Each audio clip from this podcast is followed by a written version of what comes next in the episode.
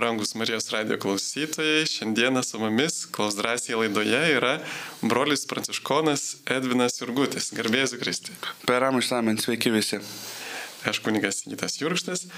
E, mes galime e, paklausinėti brolį Edviną, kaip tu broli sugalvojai tapti pranciškonu, ar, ar visą laiką buvai tikinčio šeimoje, ar kažkas tai gyvenime įvyko, kas paskatino rinktis E, šitą pašaukimą?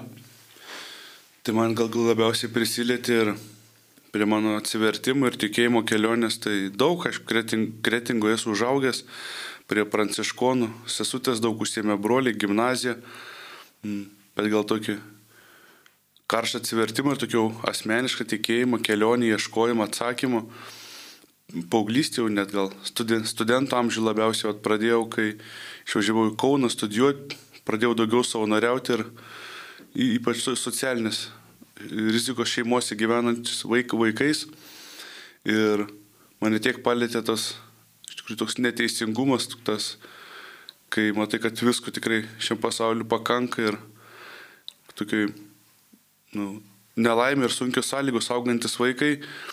Ir ta bejėgystė, kai supranti, kad tu, ne, tu gali pabūti valandą, dvi su jais, gal savaitgalį, pusdienį bet jie vis tiek turi grįžti tas labai sudėtingas šeimas.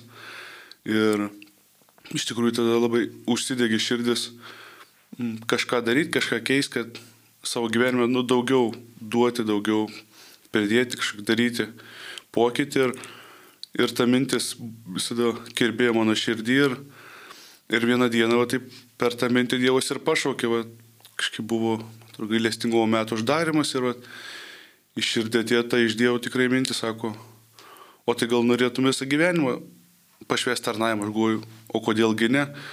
Ir net, ne, kaip sakyt, net nesupratau, kur šitą mintis veda, bet e, mačiau, medžiaus, medžiaus, tai tokia mintis, tai jeigu, ką čia tas reiškia, galvoju, kaip čia, kaip aš galėčiau būti dar prasmingesnis.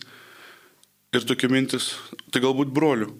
Ir atrodo viskas teisingai, čia kaip žinot, kaip, nusi, kaip vaikšti ir kažkaip negerai matai ir užsideda akinius.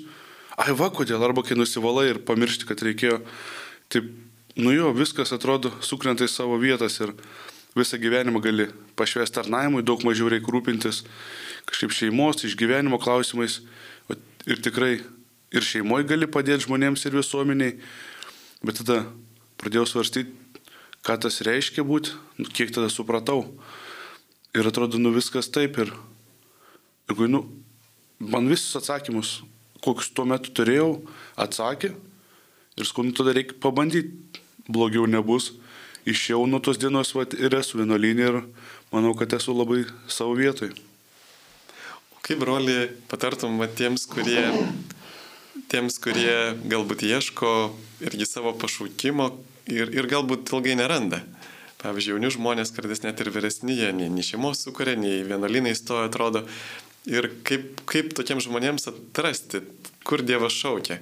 Ar Dievas kiekvieną kažkaip tai prakalbina kažkokiam keliui? Mane pradėjo kalbinti Dievas, kai pradėjau kasdien skaityti šventą raštą, bet skaičiau tikrai po nedaug, kartais būdavo pusę puslapio, po vieną istoriją, kaip šventam rašte sužymėta, kažkokia viena istorija ir Ir kas, bet kasdien, kas ryte ir, ir tos istorijos eilutės mums, e, nu, man atsišaukdavo dienos bėgė, savaitės bėgė kažkokiais įvykiais, jos susisėdavo ir aš pradėjau jausti, kaip Dievas kalba per tas istorijas, per ženklus, per veiksmus. Jo, čia labai geras pasivėjimas, kad Dievas prakalbintų, tai turim skaityti jo žodį, taip iš tikrųjų. Ir va, turime dabar žinutę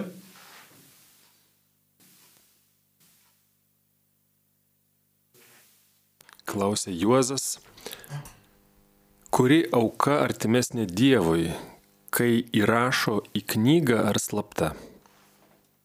Taip, čia turbūt piniginė auka turi mintį.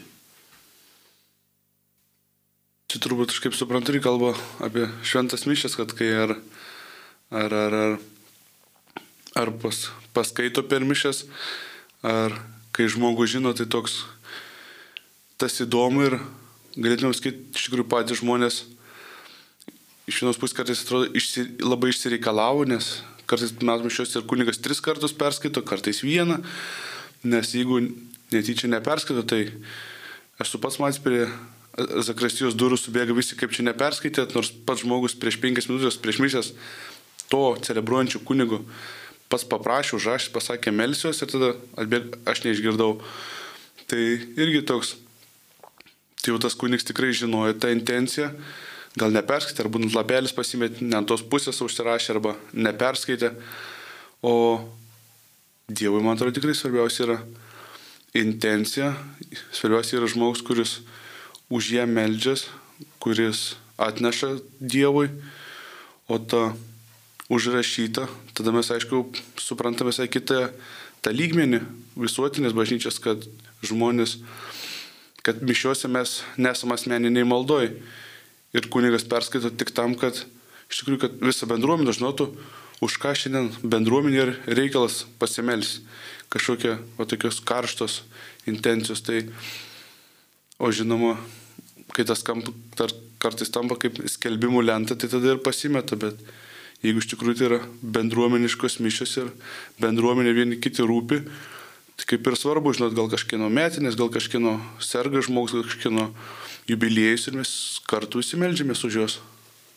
Taip, o pavyzdžiui, Marijos radiją mes užrašom adresus, tai tik tam, kad galėtume padėkoti, kad išsiųsti padėką, bet tai va svarbu, kad turėtume intenciją ne, nenorėti garbės už tai, kad kažką paremėm. Taip, dar turbūt turime žinučių. Klausia e, tokiu klausimu neprisistatęs klausytojas. Koks bažnyčios požiūris į šiandieninį gamtos besaikį niokojimą? Ar tam pakankamai yra informuojama, informuojami bažnyčios tikintieji ir ar Dievas tam sukūrė gamtą kūrinyje, kad niokotume? Ačiū. Tai iš tikrųjų gamtos, ekologijos temos šiai dieną visuomenė yra labai karštus ir turbūt gal atrodo, kad bažnyčia nieko nedaro, kas tikrai kartais gali atrodyti ir mm, man gal pirma mintis, e, žiūrint į bažnyčią ir jos misiją, labai daug kur bažnyčia, sakykim, senais laikais buvo labai pirma, kažkur užvesdavo naują mintį nuo iš teologinių mokyklų. Šiai dienai, kai sakykim, tas labiau kilo iš visuomenės, Tai kaip pasaulietinės organizacijos tikrai valstybinių lygmenių tai pradeda daryti, m, tikrai sunku pamatyti kažkaip vietinių bažnyčių ar parapijų iniciatyvas, indėlius į, į kažkokias, kaip prisidėti, kaip e, pakeisti kažką. Tai man atrodo tai svarbu, bet mes, kai buvo Liaudatos ir Dabar antra dalis išėjo enciklikos mm, žiūrėti visoje visumoje, kai mes kalbam apie, apie gamtą, apie pasaulį, apie jos... Atsiprašau. kai apie visą pasaulio gamtą ir jos grožį, nu, tai turi būti vis, visoje dermėje su, su tarp Dievo, žmogaus ir gamtos ir tam santyki. Ir kartais norima tik palikti apie švarų orą, numestas šiukšlės, gal šiaip labiau atsinaujinti šaltinį Bet e, o kaip tas prisideda prie mano išganimo, kaip tas mano santykis su gamta mes galim labai mažai vartoti, bet turėti blogą santykį, kas dažnai ir e, šia visuomenė gali nutikti, kad su žmogum, kai mes nemėgstame, mes juo nešnekam. Tai gal šiandien visuomenė labai susikoncentravo šiaip į tokį kuo mažesnį vartojimą, o ne o, o tikrai pranciškoniškai šeima, iš ką esu pastebėjęs, tai labai dažnai mes tokius mats, kad labai žiūri kokybę, už ko kartais ir būna labai sukritikuojami pranciškonai, tiek daiktais, tiek kažkokiam vietom, parapijom, vis laik renkas, pa, pa, bando pasirinkti pačią kokybiškiausią, bet tada ir daiktą, ir vietą, bet tada matai, kad jis labai ilgai tarnauja. Tai man atrodo toks įvairiapusiškai. Reiktų pažiūrėti šitą klausimą. Ir tikrai ačiū, kad primenate.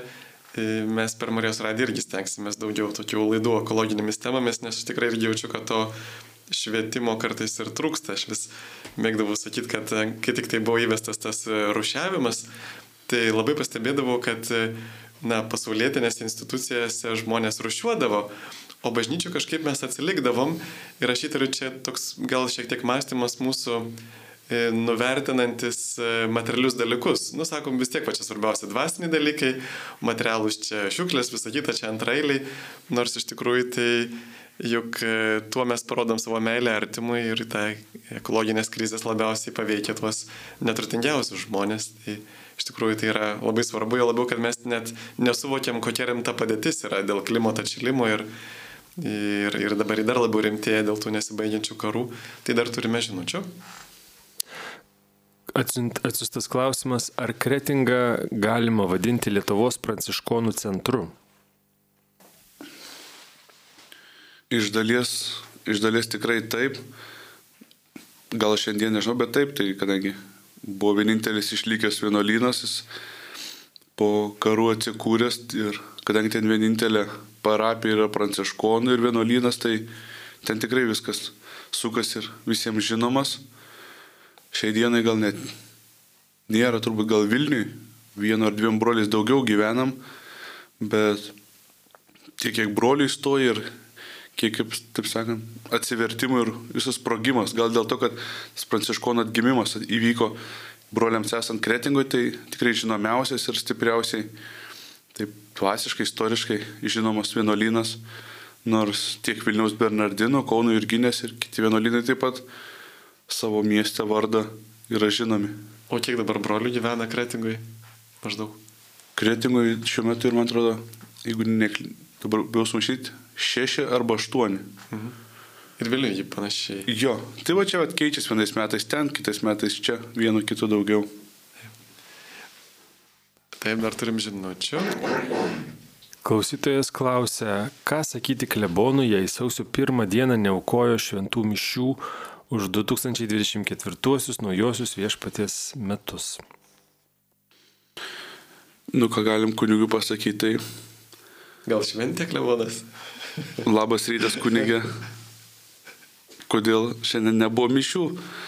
Ir, aišku, nuoširdžiai su, nu, nesu kaltimu, kaltimu kažkokiu teisimu, bet iš tikrųjų tai pirmą paklausiu, žinot, gauti atsakymą, o, o tada jau žiūrėti. Ir, ir Lietuvos masteliais, ypač kai žinom, tikrai ta šventė yra tokia, kur visi laukia vidurnakčio ir iškart po 12 ir nenueina mėgoti ir iki pirmos, sakykime, sakykim, taip vidutiniškai užsibūna, tai ypač kur įprastos rytinės mišios, gal net ir suprantama, gal dienos ar vakaro, o žinant tą tendenciją, iš kur Lietuvoje maži atstumai, tai yra parapijai, kur galim nuvažiuoti. Aš šiandien galvoju, ar tikrai kas, tos 5 km reikai tikrai nedaug žmonių ir, ir taip anksti ryte, pavyzdžiui, padarytas rytinės mišės.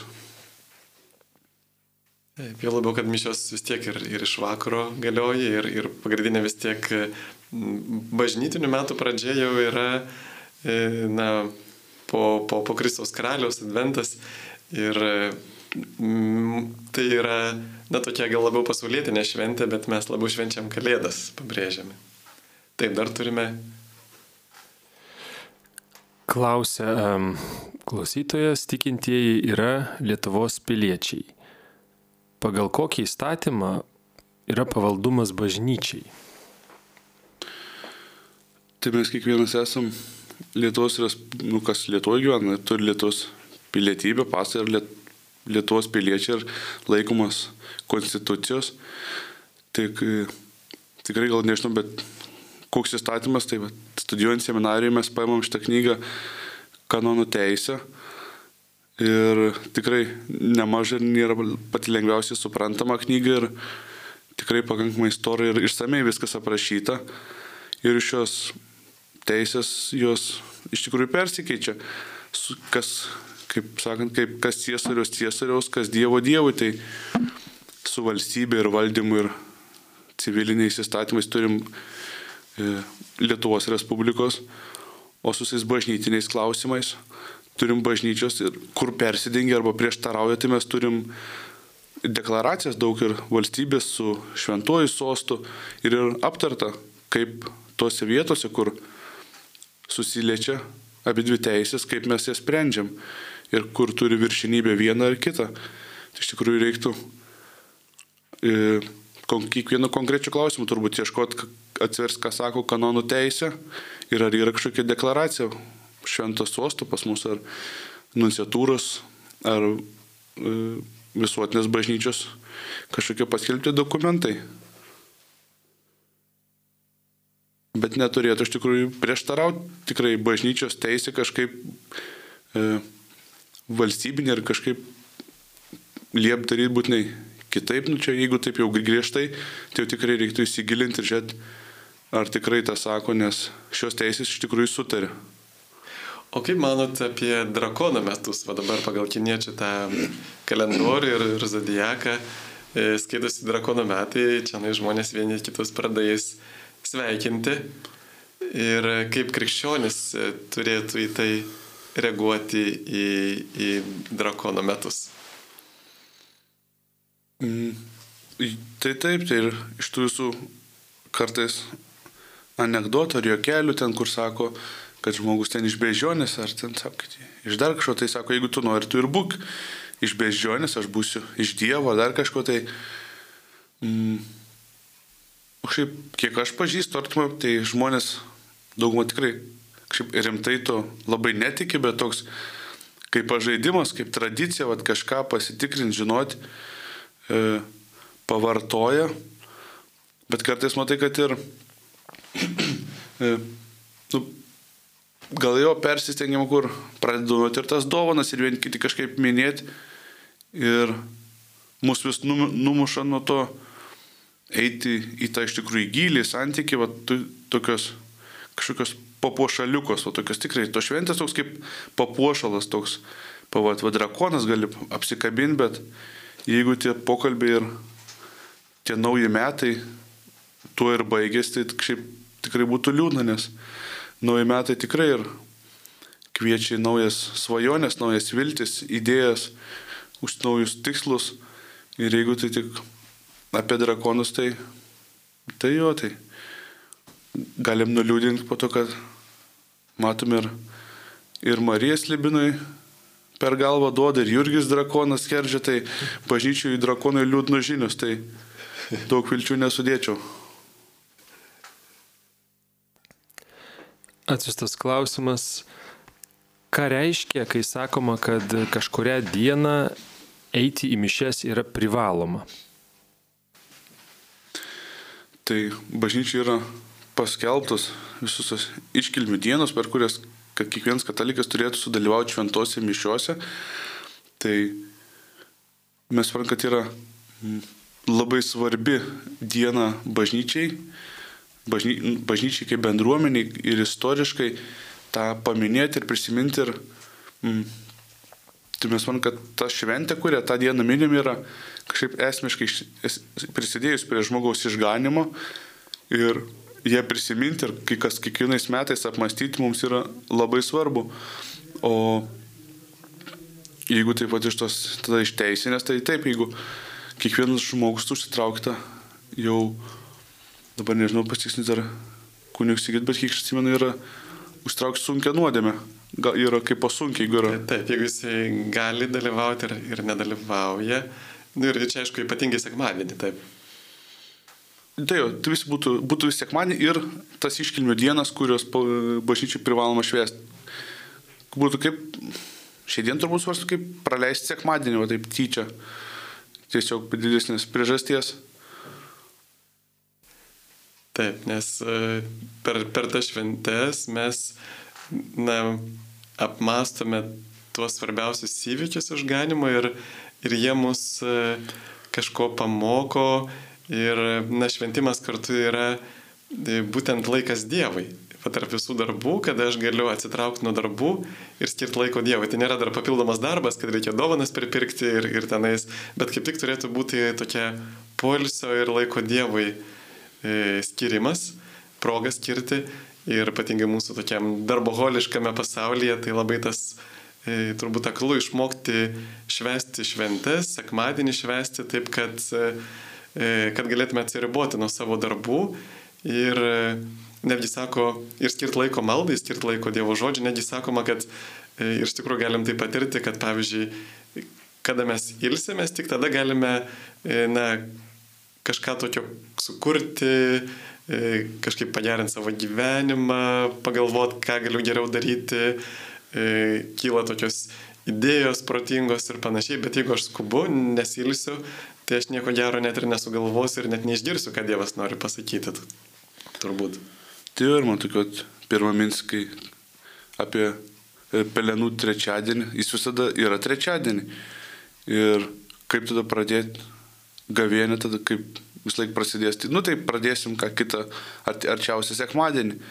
Bet tada visa teologija ir laukimas ir dienos ir skaičiavimas viskas tampa taip, atrodo, jau tada nebe, relatyvų, nebesvarbu. Bet kadangi krikščionys nes, sako, mums svarbu ir kiekvieną dieną ir tas laukimas ir taip daryti kaip Jėzus ir išlaukti kiekvieną dieną, tada mes pasistengiam rasti, žinoma, jeigu tai yra visiškai neįmanoma situacija dėl darbų, šeimos padėties ar kelioniai, tai prieš iš vakaro ar kitą dieną tu dvasiškai pradeda pasyviai, bet nu, normaliai kiekvienam katalikui turėtų būti kaip sekmadienį, kaip persižinot, kaip melstis, tai yra ir jo tą dieną ateiti bendruomenę, priimti Jėzus, sustikti kartu melstis. Ir tas mišių šventimas turėtų būti tas visų bendras, visos bendruomenės, kažkoks tos aktas liturginis paskelbimas, nu, tiek Dievo pagarbinimas, tiek vieni, vieni kitų ir palaikymas, kad tuo mes pradedam gavėnę, apsimarinam, ar kitas šventės kartu visi džiaugiamės ir vieni kitiems primenam kad vat laikas yra džiaugtis, ar švesti, ar ruoštis, ar liūdėti. Ir dar galime pamatyti, kad bažnyčia visą laiką stengiasi perkeltas svarbiausias iškeliamės į sekmadienius, bet pavyzdžiui, šiandien trys karaliai yra Kristaus apsiriškimo iškelime yra būtent šiandien, nes rytoj švenčiama Kristaus, Kristaus Krikšto šventė. Taigi į mišes kaip reikėtų nueiti ir šiandien, ir rytoj, jeigu tik tai yra tikrai galimybė, jeigu ne, netrukdo sveikata ir kiti tokie svarbus, labai ypatingai svarbus dalykai. Ir gal broli galėtum irgi papasakot, va, ką čia bažnyčia nori pasakyti, kokią žinią perdoda per tą Kristaus apsiriškimą per tris karalius. Tai trys karalius mes kiek žinom ir iš švento rašto tas ateina tie trys išminčiai, e, atneša dovanas, tai toks pirmas iš tikrųjų pirmasis kūdikėlių pripažinimas ir karalių, ir mesijum, ir išgelbėtojų. Ir tai va, gražu net iš tos, kad tokia, kas šiandien būtų sunkiai suprantama, kartais gal ir suprantama, toks va, mm, kažkokia viski, ir vėl tokia va, visu, visuotinė valdžia, va, vėl kažkokia va, pagonis ateina pirmi ir parodo atitinkamą, tinkamą pagarbą karaliui mesijui, jis ateina jie padovano dovanas, pasveikina ir net to laiko bažnyčia ir tikintieji. Ir va tas tikras prakartėlį, va tarp gyvūnėlių, tarp šieno, kaip sakant, išgyvena tą momentą. Ir tai taip, ir iš tikrųjų bažnyčia toks svarstymas ar per šventą Mikalojų, gal galėtų būti dovanas nešamas, arba per tris karalius turbūt, gal net krikščionių būtų, arba per Mikalojų, arba per tris karalius būtų pati tinkamoji diena. Iš tikrųjų net ir apsikeisti dovanom ir nešti dovanas žmonėms, nes tą dieną Jėzus gavo dovanas, tą dieną e, kaip ir toks yra dovanų metas, bet Žodžiu, dar šiandien galim dovanoti dovanas.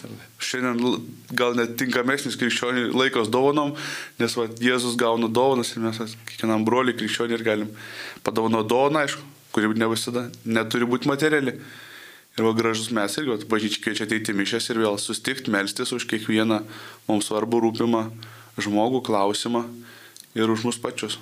Aš tai siūlyčiau šiandien pasimelsti e, klausytojus už mūsų Vilniaus operatorių Liutauro, kuris šiandien švenčia gimtadienį, šiandien jo nėra pas mus su mumis, bet e, visą laiką širdimi su mumis galite tikrai pasimelsti už jį, kad Dievas laimintų, stiprintų sveikatą Tai Liutaurai, jeigu girdite, sveikinam Jūs su gimtadieniu šiandieną. Ir iš tikrųjų turbūt per tris karalius žmonių netrūksta bažnyčioje, nes visą laiką bažnyčioje daugiau žmonių, kada kažką dalina. Tai šiandien e, galima gauti kraidos pašventintos. O va, koks tikslas yra žymėti tomis raidėmis e, duris? Aš dabar, aš nežinau, ar atsakysiu labai teologiškai, neatsimenu, bet irgi aš turbūt žinau tik iš tokių sekmadieninių išmišių pamokslų. E, bet man tai asmeniškai gražus ženklas aš kai matau, aišku, mes matome šventą raštas, durų staktų pažymėjimas ir durų žymėjimas įvėjimo į namus yra tikrai labai biblinis ir jau senas dar prieš Kristų ženklas pažymėti, kurie namai yra pašvesti Dievui. Tai ir šiandien tas yra vat, pažymėjimas durų, e, tas trijų išminčių vardų pirmosiomis raidėms. Tai kaip namus turėti ar paskabinus kažkokį kryželį, ar turėti maldos kampą. Man labai gražiai pačiai išeiti į laiptinės ir ant vieno kito durų matai ir tu iškart pamatai, kad čia gyvena krikščionis ir tiek daug iškart kaip ir klausimų atkrinta. Ir ten, va, jeigu tau reiktų pagalbos, tu turėtum galėt pasibelsti, žinot, kad čia surasi broli Kristui arba kad čia užėjęs tu iškažinai, ko, kokią tu šeimą sutiksi. Hmm, nėra, kad, o aš nežinau, kaip čia bus, mes klausim, tai man atrodo tikrai, aišku, tuo ir svarbu labai ir, ir gyventi, ne tik užsirašyti, bet tai labai regimas ženklas, vat, kunigai turiu, koloratkį, turim vienuolį abitus, taip ant durų pa žmogų, dar net neįveistamus mes paskelbėm, šitos, iš šitos namus yra atėjęs kūdikėlis Jėzus 24 metais ir parašyta va data, trys karaliai atnešė dovanas ir va mes čia užgimė kūdikėlis ir šios namus ir čia atėjo karaliai.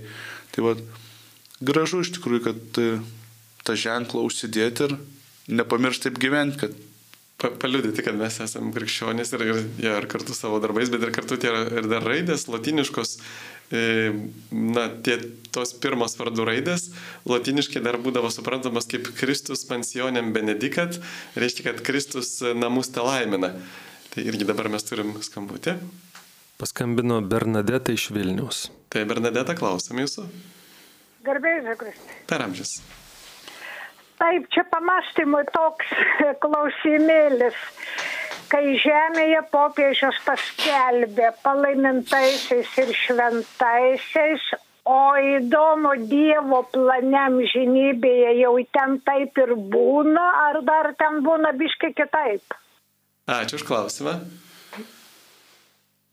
Žinoma, apie amžinybę labai sunku kalbėti, nes ne vienas iš mūsų ten nenuėjom ir neparėjom ir negalim taip užtikrintai pasakyti, kaip ten viskas yra, bet kaip mes suprantame, kodėl bažnyčia šiandien skiria ir ne tos, kur mes skiriam palaimintams ir šventaisiais, mes su pasitikėjimu, su tikėjimu, mes nesam užtikrinti, mes ištyrę tų žmonių gyvenimus, bažnyčia skiria tos tyrėjus, kurie peržvelgia visą gyvenimą, atlieka tyrimą, apklausia, tikrina visus faktus, parašytas knygas, straipsnius ir tą visą žmogaus gyvenimą.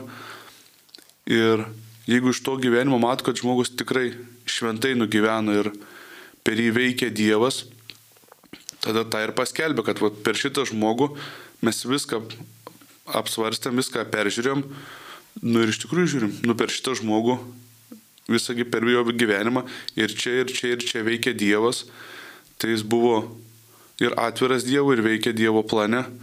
Ir mes tikim, kad jis bus su Dievu ir kad yra bendrystė su Dievu.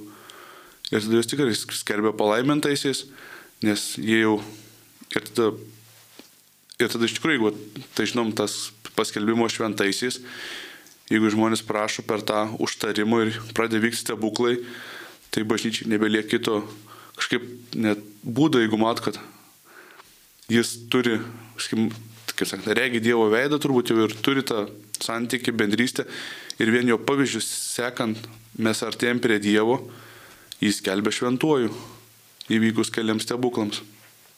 Taip ir čia labai svarbus tas dalykas, va, sako, kaip, kaip žinoti, kad dangus patvirtina, tai būtent per tą stebuklą. E, jau yra tokia susiformavusi kaip ir tradicija, kad visą laiką va, jeigu žmogus yra šventas, palaimintas ir dangus nori, kad e, to žmogaus užtarimas būtų jo prašoma, jo pavyzdys sekamas, tai Dievas dovanoja stebuklą jo užtarimu. Ir būtent tai yra ženklas, kad jis yra danguje ir iki šiol yra paskelbta apie 10 tūkstančių, atrodo, šventųjų. Ir įsivaizduokite jiems visiems, išskyrus kankiniams, bet jeigu yra kankiniai, paukojo savo gyvybę, tai nebūtina stebuklo, bet jeigu jie nėra kankiniai, Tai va šiuo metu, kad būtų paskelbtas palaimintojų, reikia vieno stebuklo, kad būtų šventojų dar vieno. Tai jau dviejų stebuklų anksčiau dar daugiau reikėdavo. Ir visą laiką dabar jau turbūt nuo tridentų susirinkimų ir anksčiau irgi būdavo e, tyriami tie atvejai. Ir dabar ypatingai sudaromos komisijos, e, ne šiaip savo, bet kažkokių tai, nežinau, e, pamaldžių žmonių tikinčių, bet susidaro, sudaromos mokslininkų komisijos viena komisija teologinė būna, ar tikrai tas išgyjimas vyko būtent santykėje su tuo šventuoju, kažkaip tai vat, jo relikvija buvo paliesta ar panašiai, ar noveno kokia kalbėta. Ir viena komisija būna visą laiką medicininė, nes 99,9 procentų tų atvejų stebuklų būna būtent stebuklingi išgydymai ir medicininė komisija, ten paprastai kviečiami labai garbingi gydytojai, profesoriai, jie e, turi nuspręsti, ar čia tikrai yra mokslo nepaaiškinamas išgyjimas. Tai va čia irgi tie 10 tūkstančių šventųjų ir tie keliasdešimt tūkstančių stebuklų patvirtintų ir ištirtų yra irgi toks e, galingas ženklas, kad tikrai dangus yra ir kad e, tikrai šventieji mumis rūpinasi užtarė. Dar turime turbūt žinučių. Klausia klausytojas e, apie pasiryžimus naujais metais. Kaip tinkamai pasiryšti ir vykdyti. Ačiū su Kristaus apreiškimo švente. Visiems turbūt iššūkis tie naujametiniai pasiryžimai ir tiek ir fiziniam, tiek ir dvasiniam gyvenimam ir kiekvienam turbūt mano, čia trūkiau, mano asmeniškai toks pasirinkimas ar užsibrėžimas būna, tai, e, kaip sako, toks svajot labai plačiai, didi, did, didingai, didelis svajonės turėti, bet eiti po mažą žingsniuką, tai irgi išsikelti labai realų, gal ne per didelį, kad jį iš tikrųjų būtų, pas, jis būtų pasiekiamas, o kitas jau iš tokio, mm, ne tai kad bažnyt, bet tokio dvasinio požiūrio, kad jeigu mes kažką norim paukoti, pašvęs Dievui, tas turi būti ne, nežinoma žmonėms, tas turi būti žinom tik tau ir Dievui. Tai iš tikrųjų pasilikti kažkokį užsibrėžimą, kurį žinai tik tu, niekam jo neskelbti. Ir visą tą sunkumą tada tikrai ir galima aukoti ir Dievui, ir ieškoti kelių, ir tas stiprinti santykių su Dievu. Bet kaip kiekviena tikrai Dievui skirta aukai turi būti nežinoma. Ir tada tas sunkumas, ta kančia, mes kiekvieną kartą galim pašvęsti Dievui, nes daug tų užsibrėžimų šiai dienai mes galim pamatyti, kad ten ar dėl gražesnio kūno, sveikiau maitintis, anksčiau keltis, ar ten ryte eiti šaltą dušą, ar mankštą daryti, labai, labai svarbu ir gera ir rūpinti savo kūną ir sveikatą. Ir, bet ir čia ir gaunam tą ir jeigu nepasiseka ir tiek ir, tiek ir te prarandam atrodytų. Bet jeigu į tai įdėtumėm dar ir maldos momentą, kad ir rytinę mankštą, tai mes jūs pridėtumėm ir prie dvasinės mankštos ir praktikos.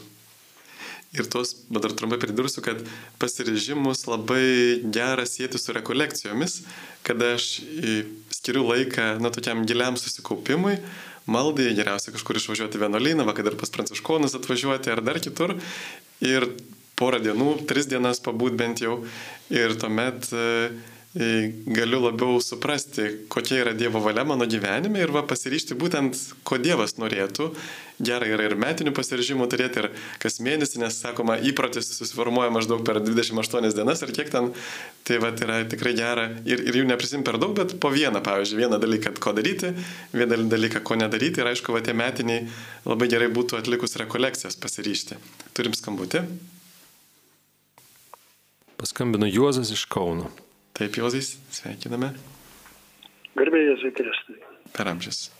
Aš šiek tiek e, dėl trijų karalių raidžių ant, ant durų, reiškia, staktų. Na, man atrodo, per daug mes čia tuos karalius iškeliam ir sureikšminam. Tai buvo pagonys ir tiek. Ar negeriau būtų ant stakto, durų staktų užrašyti JMJ. Jėzus Marija Juozapas. Tai, tai šitą dalyką suprantu, bet, bet dėl tų karalių, ne, žinot, aš ir bažnyčiose girdėjau jau keliose kaune, kad reiškia geriau būtų rašyti JMJ. Tai yra, yra, tai yra kur kas svarbesni reiškia, vardai, negu kad kažkokių tai pagonių trijų karalių. Dėkui Jums. Dėkui. Tai tikrai taip, kad tie pagonys ir, ir jotėm jot, jeigu surasim, gal tik mm, tas šiandien paplitęs labiau ir visoji visuo, visuomeniai žinomas ir net ir netikintis pamatęs e, KMB žino, kad čia kažkas jau bažnyčinės daug kur ir matė ir tas atsikartoja, o kai pradėm kažkokį ieškoti naujų, tai galit gimti naują tradiciją ir naujas įkvėpimas ir atgimimas su tom, tai reiktų nepamiršti, kad tikrai tų vat, naujų ženklų reikia ir ieškoti, ir bandyti, ir juos rašyti, ir jie nėra tikrai kažkaip draudžiami, jūs matot prasme ir tai svarbu, ir tai daryti. Tai gal tiesiog, kad visuomenė labiau paplitė šitas ir tai žinoma galima, jeigu dar labiau norim pabrėžti, kad krikščionis tai ant durų prisikliuokim kryžių ir tada visai niekam jokių klausimų nekils ir nei datos reiks, nei trijų karalių.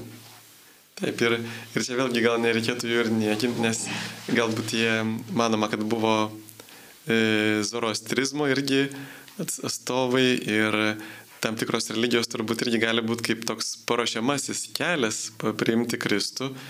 Ir va, matome, kad jie netgi pirmiau atėjo Kristų pagarbinti už tuos e, žydus, galbūt net žydų lyderis dvasinius, kurie ne, nebuvo pasiruošę savo širdimi priimti to karaliaus Jėzus.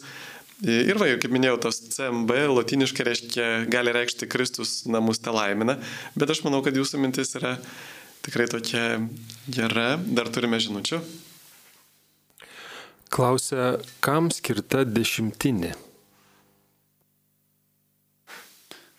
Tai dešimtinė, kurią mes, apie kurią skaitom ir girdim šventajame rašte, tai yra ta skirta bažnyčiai ir bažnyčiai, bažnyčios tam išlaikymui ir tada jau, jau iš tikrųjų bažnyčia paskirsto ir mato ir pagal visai tai bendruomenė ir tai, jeigu mes ieškosim šventam rašte, tai nerasim kažkokio atsakymų, kad būtent tam ar kitam, bet reiktų aišku dar šiandien supras, kad mūsų visuomenė, kai tapo religija visuotinė ir toks dėlis bendruomenės ir to pačiu tos bendruomenės ne, nėra tokios bendruomeniškos, tai iš tikrųjų ta dešimtinė turėtų būti tos be, visus bendruomenės reikalams nuo bažnyčios šildymo, apšvietimo ir darbuotojų išlaikymo iki tos bendruomenės reikmų, jeigu kažkas va, susirgo, kažkam ištiko nelaimė ar kažkam reikia padėti.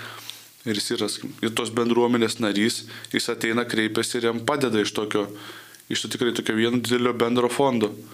Bet šiandien mes labai mažai kur turim tokių tikrai, kad ta parapija ir, ir ta bendruomenė. Ir tuo labiau, kad kažkas atneša šiaip tavo tokia dešimtinė ir dedas prie nu viso bendruomenės. Labai, šiandien labai turim tokį patarnavimų, kad kunigs atliek šokią bažnytinę liturginį patarnavimą, suteikia mums galimybę priimti komuniją, palaiminimus, sakramentus, bet ne tas, kad yra tikrai va tos bendruomenės, šeimos reikalas, va čia mūsų. Bet čia turbūt daug dalykų jau susiję, tas keliavimas ir darbai, studijos.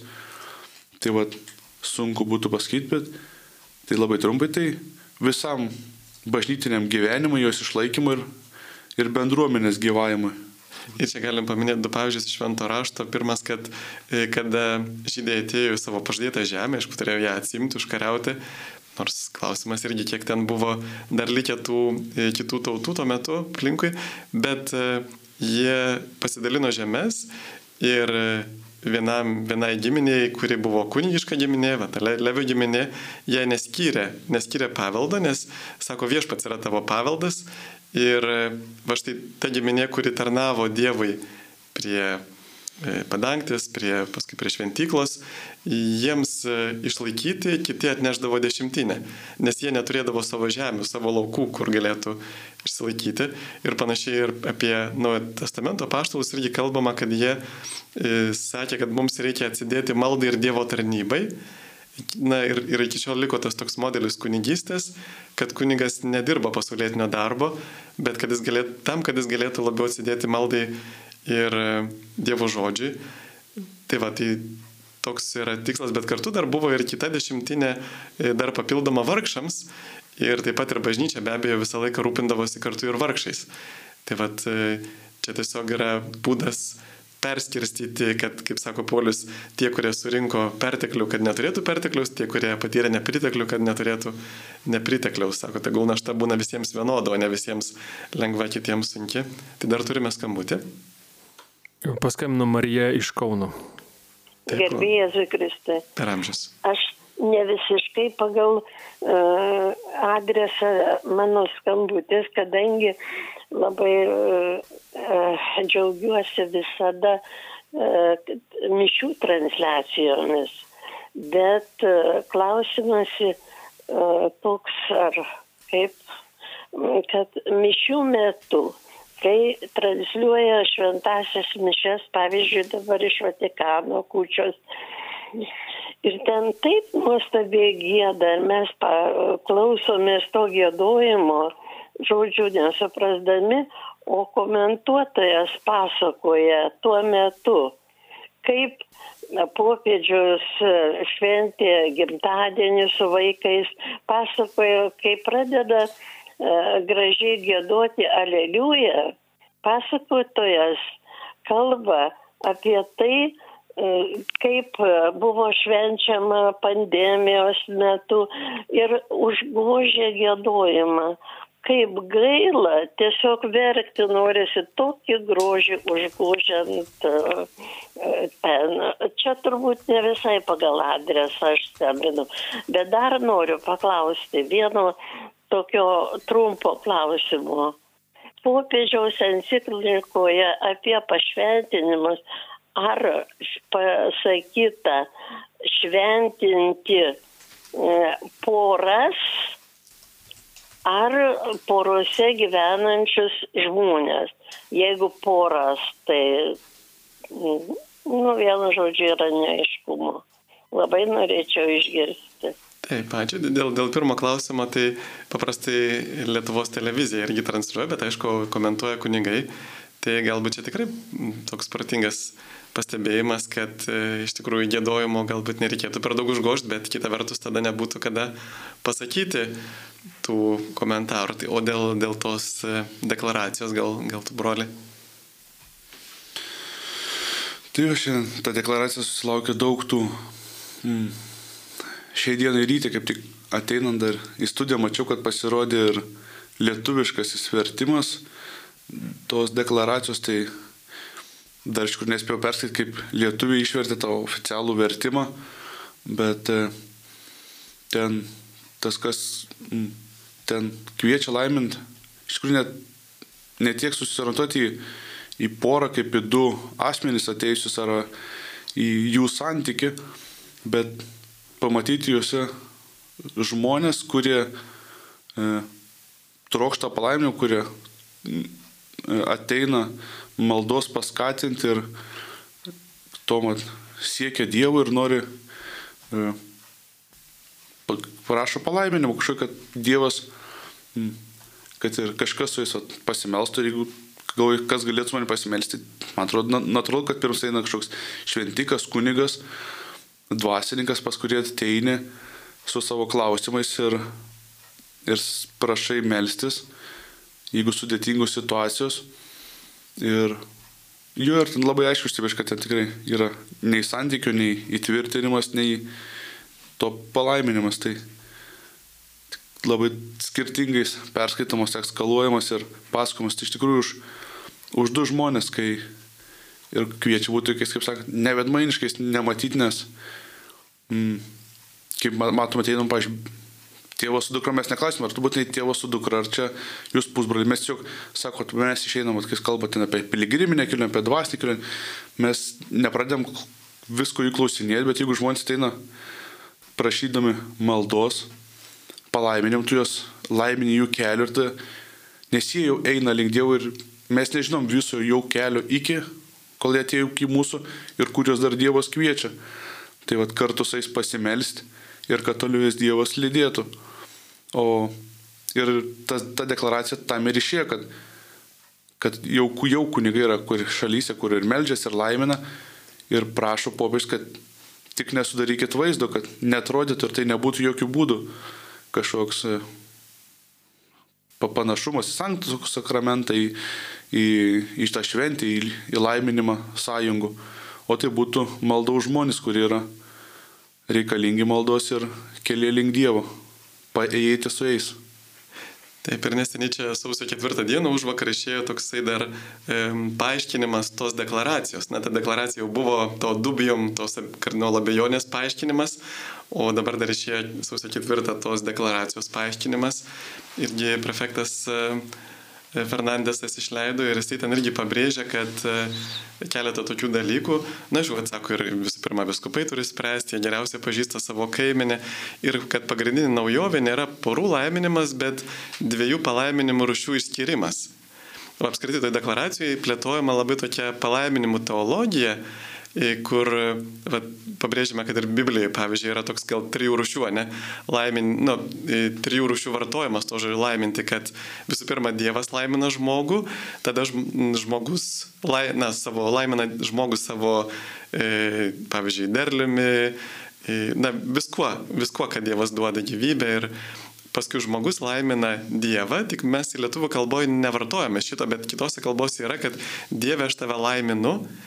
Tai ne tai, kad aš Dievą padarau laimingą, bet e, tai yra kaip šlovinimas, dėkojimas, prašymas apsaugos nuo piktojo irgi taip pat na, visuose laiminimuose. Ir taip pat, kada aš galiu e, dalintis tuo palaiminimu su kitais, kada aš būdamas žmogus galiu laiminti irgi kitus žmonės. Tai vad popiežius plėtoja šitą palaiminimo teologiją, kad e, liturginiai arba ritualizuoti palaiminimai, na, yra tokie, kur reikia atitikti tam tikras sąlygas ir e, vykdyti Dievo valią, va kaip ir Jėzus sako, ten palaiminti dvasingi vargdienį ir taip toliau, laiminamas, pavyzdžiui, tikrai santokos Bet e, yra ir spontaniškas pasuratinis palaiminimas, kuris, kaip prašo e, tas e, prefektas kongregacijos tikėjimo mokymo, jis trunka ten keletą ar keliolika sekundžių, būtinai turi būti ne prie altorius, nenaudojant apiegynų ar liturginių rūbų. Ir va, aš kažkada irgi per Klaus drąsiai laidą buvau pasakęs, kad Džeimsas Martinas e, galbūt net su liturginiais rūbais laimina, tai aš paskui pažiūrėjau, liktai toj nuotraukai, kur aš mačiau, liktai jis neturėjo liturginių rūbų, bet e, na tie žmonės buvo susikibę rankomis, tie du vyrai, kur ten sklido Facebook'e tą nuotrauką. Bet iš esmės rašo Fernandesas, kad tai yra, e, na pavyzdžiui, galima ir tokia malda laiminti juos per tos keliolika sekundžių, tėve pažvelk į savo vaikus, suteik jiems sveikatos, darbo, ramybės, abipusios pagalbos, išlaisvink juos iš visko, kas prieštarauja Evangelijai ir padėk jiems gyventi pagal tavo valią. Amin. Ir tuomet jis rašo, kiekvieną reikia peržegnuoti atskirai. Tai iš esmės tai yra tiesiog užtarimo malda. Ir malonė vis tiek eina pirmiau, e, pirmiau darbų pagal Dievo valią. Jeigu aš negausiu malonės, negausiu gailestingumo, aš neturėsiu jėgų pasitaisyti. Tai va čia irgi nori pabrėžti popiežius tą tokią Dievo meilės besąlygiškumą, kad Dievas myli besąlygiškai ir nori išgelbėti kiekvieną. Bet e, kaip ten kažkas yra sakęs, kad Dievas mus e, priima tokius, kokie esame, bet e, jis per daug mus myli, kad mus paliktų tokius, kokie esame. Ir taip pat akcentuojama tame dokumente jau paaiškinime, kad reikia katechezės, kad žmonės suprastų, jog tai nėra pateisinimas ar pritarimas nuodėmingam santykiui, bet tai būtent yra va, tas toks dieviškos meilės gestas, e, besąlygiškos Dievo meilės ir tai yra va, tas e, malonės pirmumas, kad aš pirmą turiu gauti malonę ir tik tada aš pajėgsiu elgtis pagal Dievo įsakymus. Ir taip pat e, Vat galim ir savo patirties, pavyzdžiui, dabar prisimenu, kad na, išpažinties, tarkim, paprašo žmogus, kuris gyvena nesusituokęs ir aš sakau, negaliu duoti išrišimo, aš jūs palaiminsiu. Tai vėlgi aš laiminu ne tai, kad jisai ir toliau gyventų nesusituokęs, bet, na, tiesiog, kad Dievas jam padėtų, stiprintų, apšviestų, pakeistų savo gyvenimą. Arba komunijos eina žmogus, kuris, pavyzdžiui, na, tarkim, yra nesusituokęs arba turi sunkia nuodėmė, nespėjo prieiti iš pažinties. Tai vėlgi laiminu ne todėl, kad jis pasiliktų, bet, na, gal jis tiesiog e, net ir negali, pavyzdžiui, kitaip arba, nu, tiesiog jiems trūksta to tokio pasiryžimo, e, tarkime, gyventi be lytinių santykių, pavyzdžiui, su savo e, tuo jau antrų vyru ar antrą moterimi.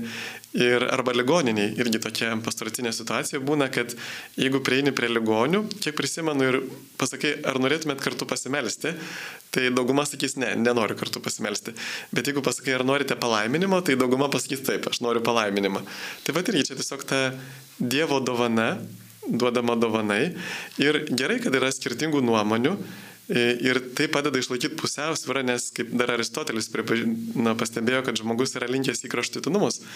Ir gerai, kad bažnyčioje yra vieni, kurie labiau pabrėžia tradiciją, kiti, kurie labiau pabrėžia tam tikrus na, laiko ženklus, galbūt kaip bažnyčia turėtų keistis.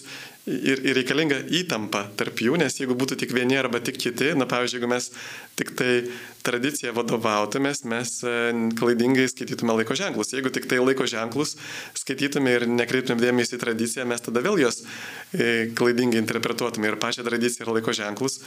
Tai reikia bijų, bet vat, kur man kas kelia nerima, kad e, Lietuvoje toje diskusijoje mes esame linkę vieni kitus niekinti.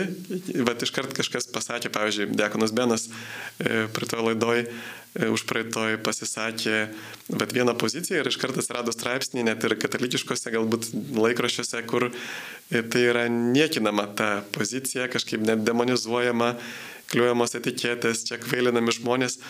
Ir kas, kokie to vaisiai, mes įžeidžiame savo brolius, savo bendražygius. Ir kaip patarlių knygai parašyta, kad įžeistą brolių sunkiau laimėti negu stiprų įtvirtintą miestą. Ir prisiminkime, ką Jėzus sakė tiems, kurie, save, kurie kitus e, vadina kvailiais. Tai va čia irgi turbūt e, svarbu neniekinti kitaip mąstančių, bet stengti suprasti. Ir dar vienas yra moralinis principas iš teologijos, kur pagrista Biblijoje, kad e, kodėl mes turėtume gerbti kitų skirtingas nuomonės, nes e, jeigu žmogus elgesi prieš savo įsitikinimą, jisai nusideda, net jeigu jo įsitikinimai yra klaidingi. Ir, bet čia aišku, neina kalba apie tai, kad va, aš būtinai esu įsitikinęs, kad reikia pirkti žalias užvaldas, o ne, ne, ne raudonas. Bet eina kalba, kad kur aš galvoju, kad aš galiu padaryti nusižengimą prieš kažkurį iš dešimt Dievo įsakymų. Taigi jeigu mano sąžinė sako, kad aš darau nuodėmę, aš privalau elgtis pagal savo sąžinę.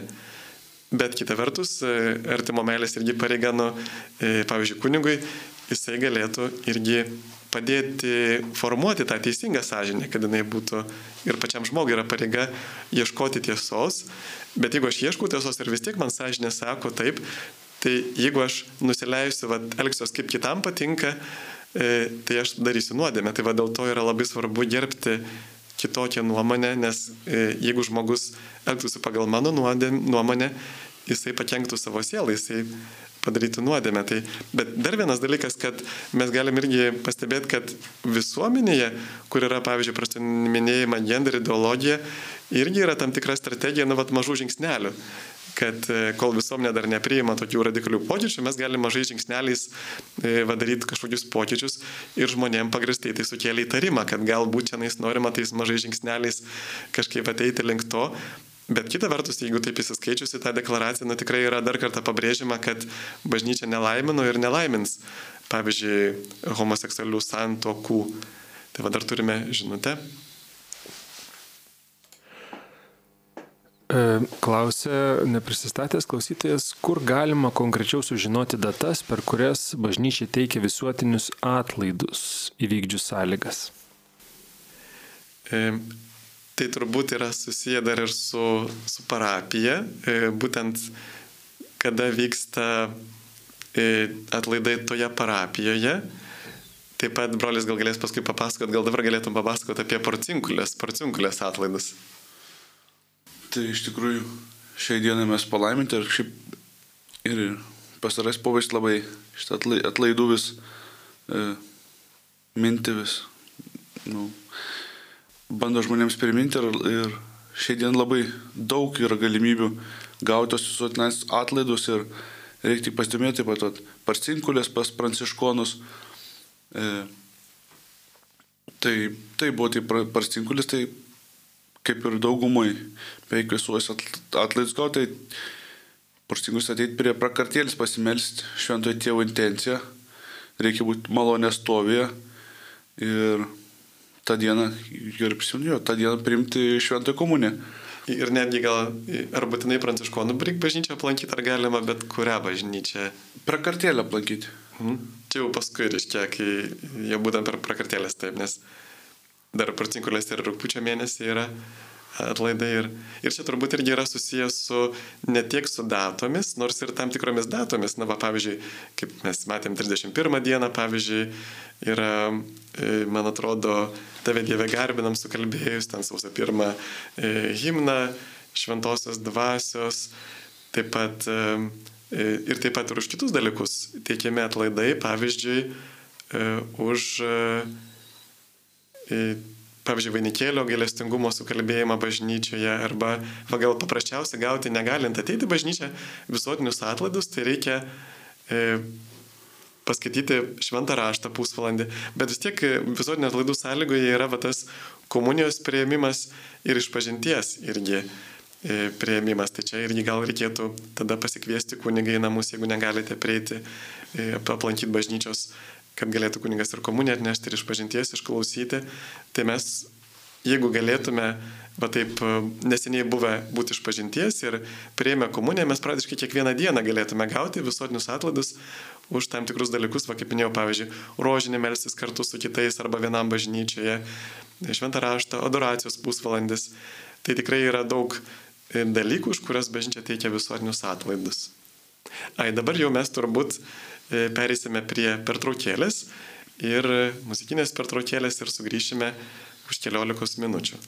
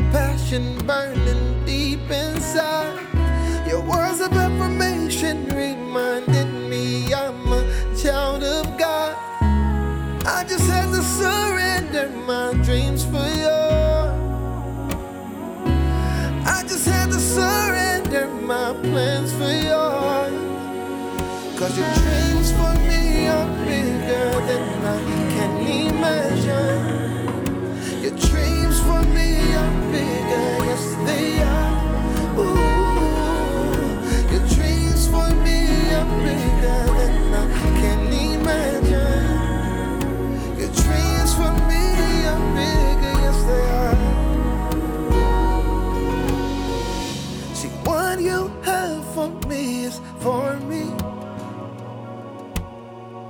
And can no one take that away?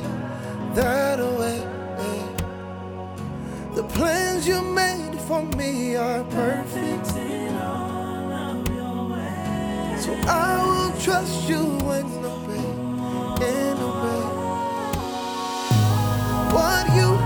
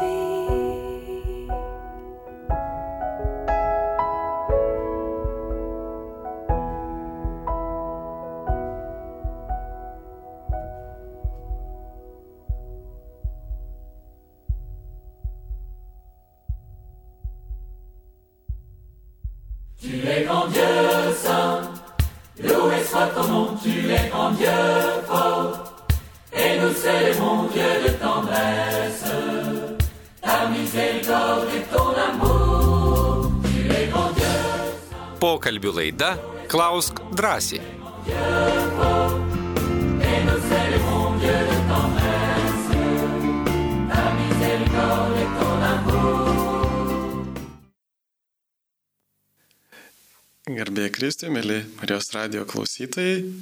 Į Klaus drąsiai laidoje šiandien susitinkame su broliu pranciškonu Edvinu Jurgučiu. Sveiki, broli. Sveiki visi. Ir tęsėme mūsų laidą. Prie mikrofono aš kuningas Sigitas Jurkštas. Mes jau turime žinučių. Klausia Jonas iš Klaipėdos. Garbė Jėzui Kristui šventame rašte neminima, kad Kristus ar apaštalai būtų šventę savo gimtadienius. Nežinome nei istorinės Kristaus gimimo datos. Tai ar bažnyčia neskleidžia erezijos.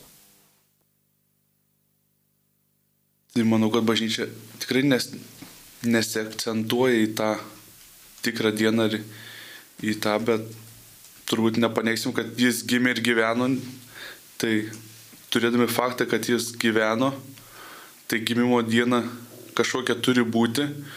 Ir dėl daug tų aplinkybių tikrai praėjo daug metų, tūkstančiai metų ir dėl laiko skaičiavimo ir keitimusi skaičiavimo ir visko, gal mes ir nežinosim, bet, bet net ir netokia sena praeitis, va, lietuvių tauta, sovietmetis, Sibiro laiks žmonės daug kas grįžo iš ten, čia buvo nežinom tikslių datų, dokumentų neišlikė, gimimo liudim viskas, daug kas sudegė, bet tas nekeičia fakto, kad nu, tas žmogus gimė, nes mes jį matom ir žmonės mini švenčia gimtadienį, tą gimimo dieną pamini džiaugias.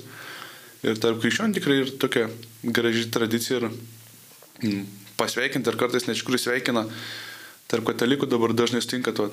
Pirmą tarp su broliais pasveikina, paska, pasveikina tėvus, nes džiaugiasi, va, kaip džiaugiamės, kad tau gimė, vat, apie mane sako, toks sūnus.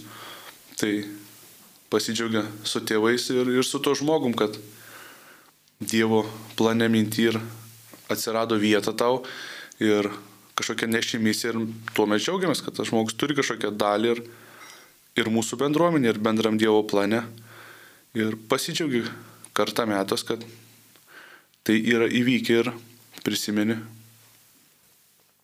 Taip, ir mes ne, nežinome tiksliai, bet, na, mokslininkai spėja, kad Jėzus gimė tarp ketvirto, ket, ketvirtų, šeštų metų prieš Kristų, nes, na, tas vienuolis, kuris skaičiavo e, tą pereimą prie, prie kito kalendoriaus, jisai padarė tokią klaidą. Ir buvo manoma iš tikrųjų, na, kad e, Jėzus iš tikrųjų gimė gruodžio 25 ir čia pirmą kartą popiežius Julius I 350 metais apie tai paskelbė, bet aišku, tam nėra tokių pakankamai daug įrodymų ir čia turbūt svarbu ne, ne pati data Jėzaus gimimo, nes juk jis yra amžinas kaip Dievo žodis ir neturi nei pradžios, nei pabaigos, bet vat, jisai įsikūnijo, yra su mumis, turbūt tai yra svarbiausia, tai turime skambutį.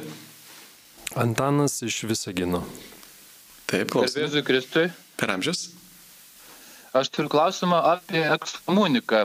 Internete perskaičiau, portale laikmetis perskaičiau, kad Italijoje buvo ekskomunikuotas kunigas už tai, kad gruodžio 31 naujų metų išvakarių mišiose jisai per homiliją popiežių pavadino masonu, pavadino, kad tai yra popiežius uzurpatorius. Nu, žodžiu, pašnekėjo tokių ne visai turbūt tikrovę atitinkančių dalykų, bet maža ką gali žinoti, gal jis ten vyno buvo prieš mišęs padauginęs, nu mes nežinom. Bet įdomiausia, kad kitą dieną, sausio pirmą, jo viskupas jį ekskomunikavo tą kunigą iš bažnyčios. Tai klausimas dėl ekskomunikos paties proceso, ar jis gali būti tiesiog taip emociškai atlikta ta ekskomunika, nes aš kaip suprantu, viskupas, nu kitą dieną po to įvykio jisai irgi emocijų pagautas paėmė ir ekskomunikavo. Tai klausimas, ar, ar ekskomunika taip gali būti greitai atliekama, ar, ar kažkoks tai turi būti komisijos svarstymas. Ir tokia tiesiog klausimas tada, mm, ar mes bažnyčios nariai galim būti taip pat lengvai ekskomunikuoti, jeigu kažką viešumoje prieš popiežių pasakysim, kur irgi galbūt nu, pervargę busim ar susinervinę. Tai va, ir antras klausimas apie patį portalą laikmetis. Kaip, kokia jūsų nuomonė apie jį, ar jį rekomenduotumėte skaityti bažnyčios nariams, nes ten kartais tokių straipsnių būna, kur nu, irgi sukelia visų įvairių klausimų ir pat kokia jūsų būtų nuomonė apie tą portalą. Tai ačiū už atsakymus. Tai pradedant su ekskomunika iš tikrųjų mm, yra keli būdai, bet pagrindinis tai ir yra iš tikrųjų taip, taip greitai tos vadinamas pačių faktų, su faktom, nu, tu užsitraukė tik įvykdžius veiksmą. Tik įvykus, iš karto užsitraukiamas ekskomunikas, kim gali ten e, vyskupas ar kažkoks kunigas tau tik tai pranešti, sužinoti, išaiškinti, bet tu užsitrauki pačiu tuo aktu, o pasauliečiams gal truputėlį sunkiau, nes, kaip žinau, tokia ekskomunikų užtraukti turi būti, nu, turi žmogus sužinoti, kad už šitą veiksmą jis gali gauti ekskomuniką ir jį vis tiek atlikti.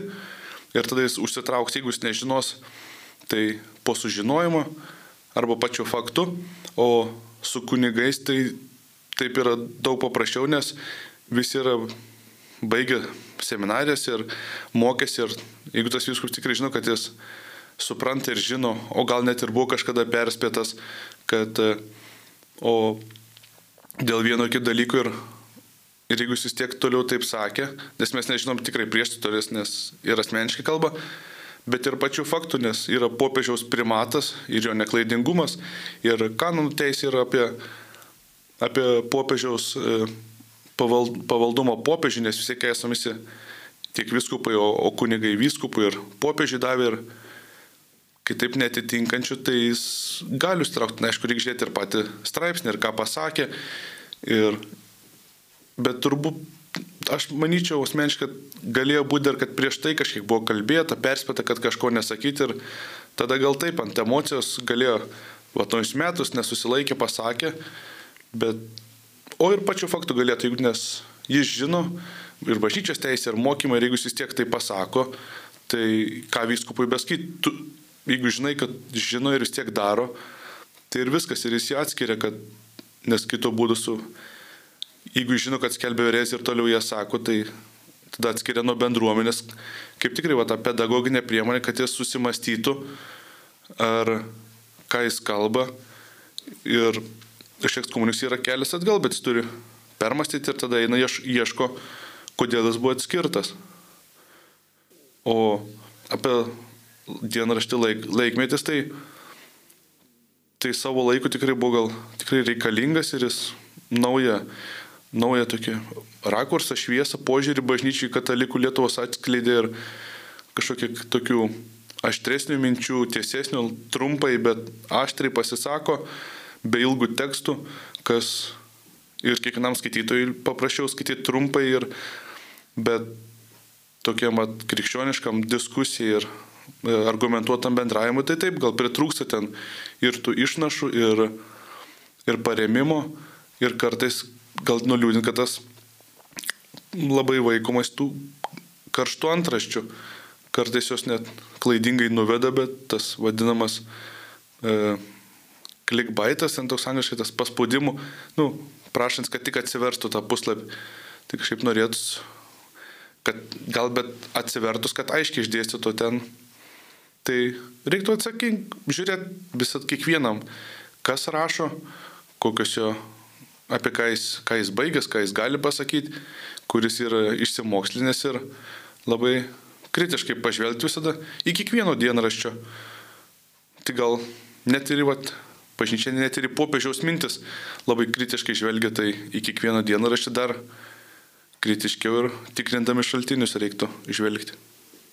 Taip ir aš dar norėčiau pridurti, va, kuriais atvejais yra, o, o kaip čia vadinamas, e, ekskomunika pačiu faktu, kada jie vyksta. Tai yra apostazija, erezija arba schizma, na, kada žmogus tiesiog atsisako e, tikėjimo arba prieštrauja toms e, pagrindiniams tikėjimo tiesoms, arba skelbia va tą ereziją, arba iš viso sako, kad aš Dievo nebetikiu, arba kažkaip pat pasirenka nebūti su katalikų bažnyčia. Taip pat yra e, švenčiausių sakramentų pavydalo išniekinimas arba duonos arba vyno konsekruoto. Taip pat va čia būtent įdomu, kuris minėjot, čia yra fizinės popiežiaus užpuolimas. Kanonas 1370 apie tai kalba. Žodžiu, žodžiais popiežiaus užpulti nerašo, kad žmogus būtų automatiškai ekskomunikuotas, jeigu fiziškai užpuola popiežių. Taip pat e, jeigu išriša nuodėmę prie šeštą Dievo įsakymę savo bendrininkui, na, nusidėjo ir kartu padarė jam išrišimą, tada kunigas ekskomunikuojamas. Taip pat jeigu e, paskiria vyskupą, e, vyskupas paskiria kitą vyskupą be, e, be Vatikano pritarimo, ir taip pat jeigu nuodėm klausys tiesiogiai pažeidžia išpažinties paslapti, na pavyzdžiui, jisai sako, va, štai tas žmogus per išpažinti pasakė tą ir tą. Ir taip pat, jeigu septintas atvejis, jeigu aborte dalyvauja, ir skatina, teikia, atlieka m, taip pat ir tie, kurie dalyvauja tame. Tai va čia irgi yra didelis toksai turėtų būti rodona šviesa tiems galbūt medicinos e, studentams, kurie arba e, akušeriams, gynekologams, kurie na, tiesiog asistuoja abortui e, ir tai gali užtraukti ekskomuniką. Tai reikėtų iš tikrųjų toj, toj srityje na, tikrai nebijoti stoti, bet kartu ir turėti tvirtus principus atstovėti. Ir taip pat nuo 88 metų pridėta, kad jeigu žmogus įrašo arba skleidžia komunikacijos priemonėmis, kas buvo pasakyta per išpažinti, tiek, tiek nuodėm klausio pasakyta, tiek penitento, jisai gali būti irgi ekskomunikuojamas pačiu faktu. Tai va, žodžiu, mes negalime per išpažinti įrašinėti to, kas yra sakoma, nei kunigas, nei žmogus, kuris atlieka išpažinti.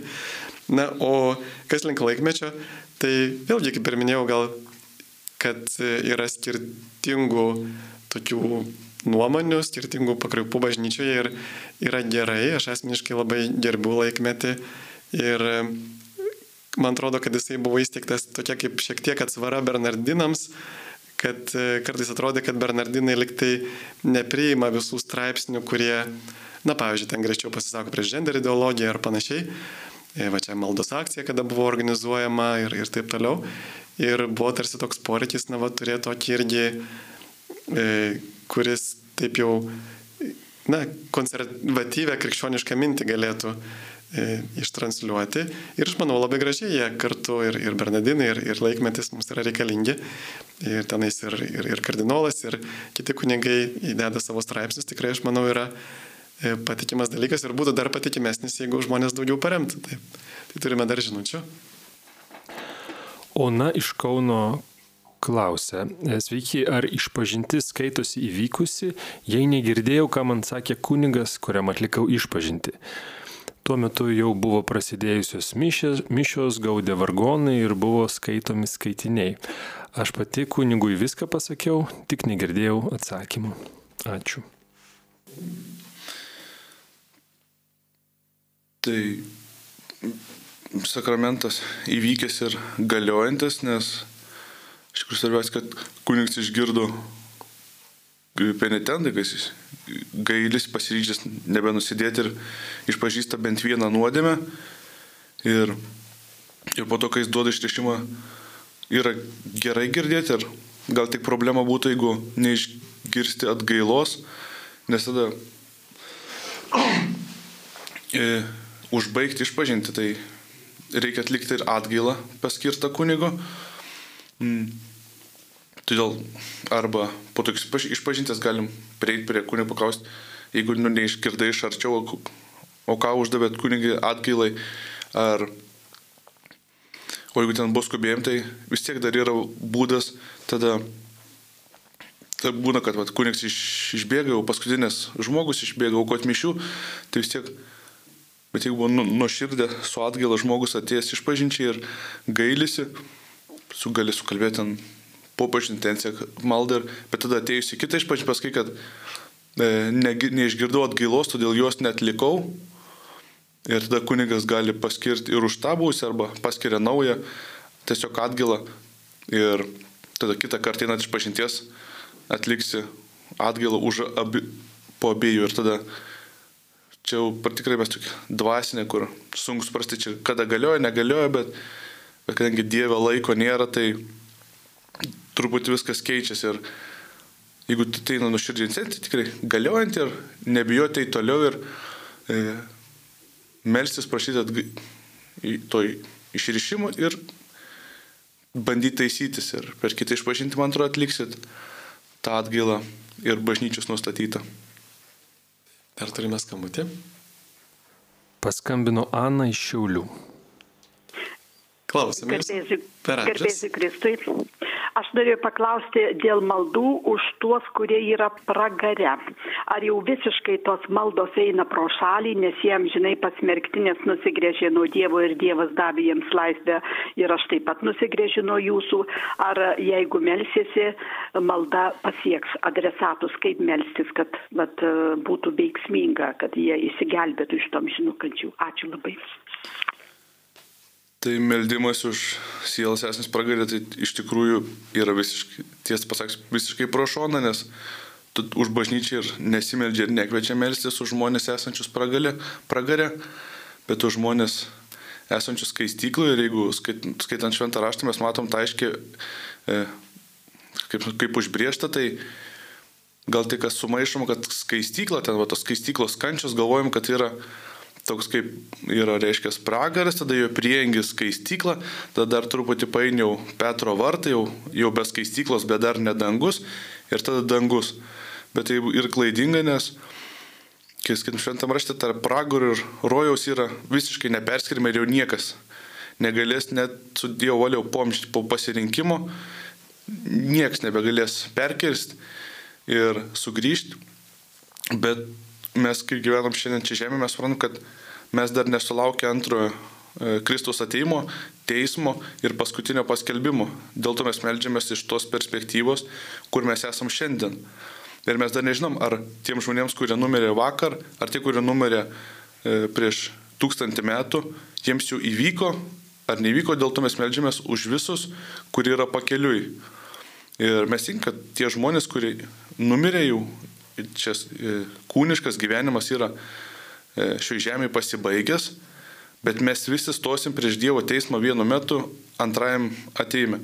Tai mes melžiamės, kad tą momentą, kai jie sustiks antrą kartą, kad jų, jų būtų pasigailėti, kad jų už, nuoma, už jų nuodėmės būtų atleisti, kad jie būtų pasiruošę ir jau norėtų sustikti su Dievu ir gyventi Dieve. Tai jo iš tikrųjų toks gal terminų ir melžiamės už skaistyklos sielas ir jiems prašom ir kol mes čia esame, mes už jas melžiamės. Bet tai taip pat amžinybės klausimus mes labai su tikėjimu priemam ir melžiamės už juos, pasitikėdami, kad Dievas visus nori išgelbėti ir tiek už artimus, tiek ir už priešus. Taip, dar turime žinučią. Jolanta klausia, prašau paaiškinti, ar darau nuodėmę E, duodama kyšį gydytojams ir kaip elgtis, jei jie tau duoda suprasti, kad jie laukia iš mūsų pinigų.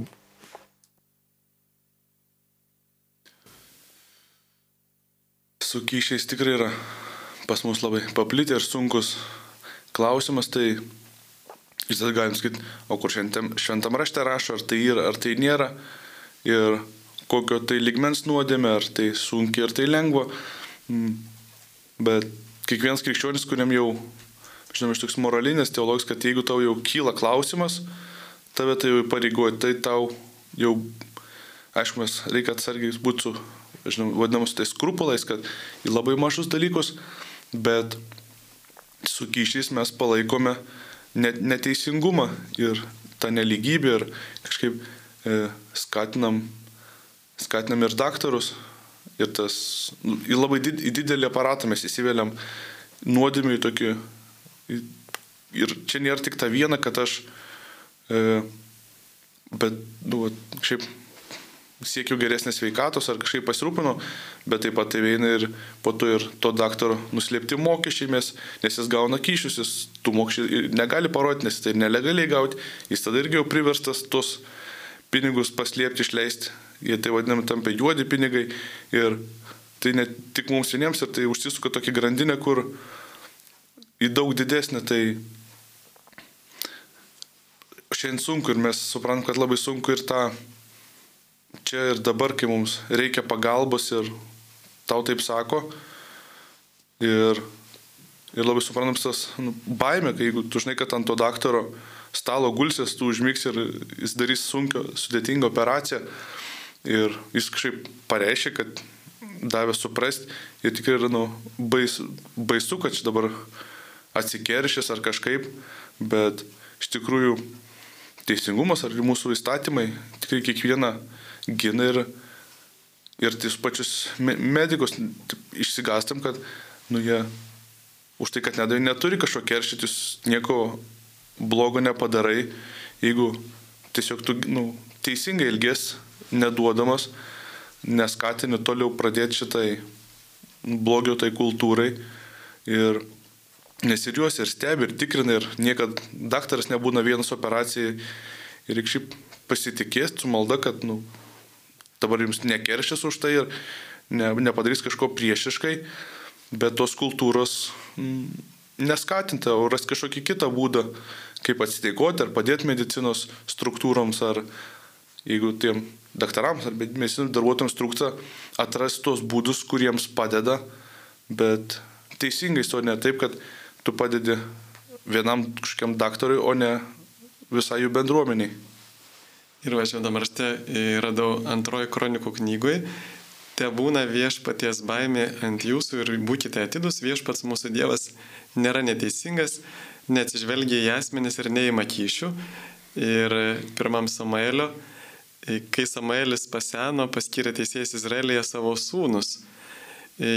Tačiau jo sūnus nevaikščiojo jo keliais, bet pasidavė godumui, imdavo kyšius ir iškreipdavo teisingumą.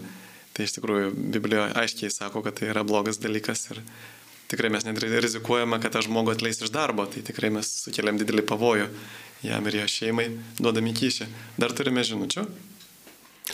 Garbė Jėzui Kristui, nesu prietaringas, bet vengiu trijų šešetų. Bet dabar naujo paso numeris baigėsi trim šešetais. Ar tai problema bei koks bažnyčios požiūris į šį skaičių? Ačiū. Taip, mes, mes žinome apie tos 3-6, tas tokį, bet nėra visai taip tiksliai, bet, e, kaip iš tikrųjų, tai jau turbūt taip iš tikrųjų perina prie skrupulingumo, iš tikrųjų visi su visais, tai sakym, tokiais mm, prakeiktais, satanistiškai, satanistiškais, užkeiktais dalykais, mm, visam dvasiniam pasauliu mes suprantam, kad e, mums reikia ir tikėtom ir nėra, kad mm, nu, vat mums iš, iškrito pagal eilę tiesiog šitas skaičius ir jis dabar mums turi kažkokią didesnę galę, bet kiekvienas tikins krikščionis, kuris tiki Jėzum, kad jį atpirko ir išgelbėjo, tai, nu, tai lieka tik, man atrodo, tik skaičiai ant kortelės, bet kai kitas dalykas, kai tie žmonės juos naudoja kažkaip, jais tiki, juos, jų ieško, kažkaip stengiasi visur juos turėti arba jais pasi, labai kliaujasi visokiais laimingais skaičiais. Ir tada prašo, kad tie skaičiai jam vis laik iškristų ir tada jau tikrai galim perėti kažkokį ezoterinį pasaulį, tokį, kur kažkokie skaičiai kažkam mums geresnio ar blogesnio duoda. Mes susi, susi, sutinkam ir lėktuvuose, viešbučiuose, nu, pažiūrėjau, nėra 13 kambario ir panašiai, bet šią dieną gainu toks, man atrodo, kiekvieno krikščionio reiktų labai ramiai priimti, kad Kristus yra tavo gelbėtojas ir jis nugalėtojas ir nepasiduoti tą mąstymą, įėjimą, ieškojimą, nes tada tas žingeidumas užkabina ir tad suprantam, kad mes galim daug, daugiau domėtis, ieškoti tokių skrupulingų tikrai dalykų, negu geriau atsiveršti 66 puslapį švento rašto ir įskaityti ir ten tegul Dievas kalba. Taip, yra įdomu, ten man atrodo, Jono 666 atrodo yra, kur, kad e, mokiniai kaip tik nebevaikščiojo su juo, na, pa- paliko Jėzų. Bet, na, iš tikrųjų, tai mes žinom, kad e, pirmieji krikščionys turbūt interpretavo taip, kaip e, Nerono vardą. Nu, jie užkodavo, kad čia yra Cezaris Neronas, Nero, nes jis buvo tas, kuris tuo metu žiauriai persikėjo krikščionis, tai jį kaip sakyti, jame matė krikščionis tą šitono veikimą ir, e, kaip žinia, tos raidės e, kartu turi ir skaitinės reikšmės. Tai vad, todėl išeina skaičius 666. E, Galim ir kitaip interpretuoti, pavyzdžiui, kad čia yra žmogus sukurtas šeštą dieną ir trys e, žmogaus, va, tie skaičiai tarsi rodo, kad žmogus sėdasi į treibės vietą, vietoj Dievo save pastato, arba kad, va, jeigu septyni tai yra tam tikras pilnatvės skaičius, tai šeši tai yra tam tikras netobulumo, neišbaigtumo skaičius, arba, arba vėl, nu, žodžiu, e, yra tokių įvairių interpretacijų, bet turbūt patikimiausia apie tą Cezarį Neroną. Turime skambutį. Paskambino Algis iš Kauno. E, Aš norėjau paklausti, atsiprašau, ar kunigas gali dalyvauti politikoje ir būti išrinktas Seimo narių. E, Smetonos laikais buvo, kad kuniga, buvo trys kunigai, kurie buvo Seimo nariai.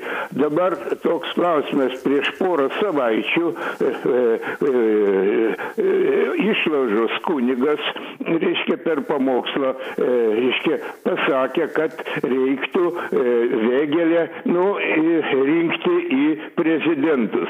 E, Po to žodžiu, reiškia, labai e, kilo didelis širšulys, reiškia, korespondentai, reiškia, e, klausė, kodėl tu taip e, gali pasakyti atvirai e, e, e, pamokslo metu. Sakykite, ar čia e, neužpuolė e, e, šitos korespondentų velnius, kad jie draudžia kunigui pasakyti teisybę ir kad jisai galėtų žmonėms su savo raginimu padėti liaudžiai. Ačiū labai už atsakymą. Tai šiai dienai kunigas negali būti išrinktas į jokias valdančias pozicijas mūsų seimės. Jis liek, tasme, tai vadinama, taip tiesiogiai dalyvauti politikoje kaip viena išrinktų atstovų ir nors prie smetonas tai buvo, tai šiandien to jau nebegali atlikti. Atsiprašau. O su išlaužo taip jau ir pasišlaužo klebons pasisakė ir reikia dar patikslinti, kad tai buvo ne pamokslo metu, visuotinės maldos metu. Tai turbūt keičias, nes pamokslas iš, iš dalies ir nėra, bet e, bažnyčia nėra skirta nuo politikos, reikia suprasti ir mes negalim, bažnyčia ir kviečiama, į, yra politikos dalis ir į politikuoja, e, nes ir kiekvienas narys ateina ir kiekvienas žmogus klausia, tiek kunigo, vienuolio, bet parapiečio draugo, sutikto žmogaus, ir už ką tu balsuosi, ir kodėl tu balsuosi. Ir va čia tas svarbiausias momentas, kad bažnyčia turi ir pareigą ir atsakomybę e, skatinti ir ieškoti, sakykim, to vat, mažiausio blogio principo, kai nėra iš ko rinktis arba kai yra iš ko rinktis, e, bandyti atkreipti tos moralinius principus, ką bažnyčia laiko svarbiau, ten, pažiūrėjau, ar, mm, ar žmogaus gyvybė, ar gamtos, sakom, tai bažnyčia visada pasakys, pažiūrėjau, žmogaus gyvybę.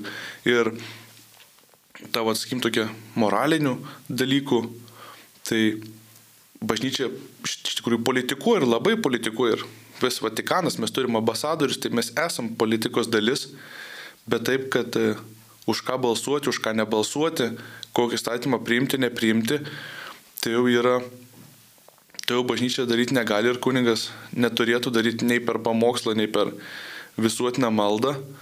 E, jis galėtų iš tikrųjų, ką jis turi pareigą pasakyti, tai kažkokius moralinius principus, mokymą, ko, į ką bažnyčia kviečia, į ką, ką teisingumas rodo, ko žmogus siekiant šventumo, ką jis turėtų pasirinkti. Ir tai kiekvienas žmogus, tu matai, ką reprezentuoja. Kai kurie politikai mes matom, kad vienus dalykus pasako, bet po to daro kitus. Tai taip mes perspėjom, kad vien žodžiais irgi nereikia liautis, kad kokie yra jau prieš tai padaryti darbai, kokius darbus dabar daro, ką planuoja daryti. O kodėl neturėtų ir negalėtų pasakyti, nes mes negalim už nei vieną vardą ir pavardę agituoti, net jeigu mums tai atrodytų labai bažnytinis žmogus, labai teisingai besirenkantis, bet mes niekad negalim užtikrinti, o kaip jis elgsis, kai išrinksim. Ar jis taip ir laikysi savo žodžio ir tai jeigu jis bus išrinktas ir padarys kažkokią koaliciją ir balsuos iškai priešingai.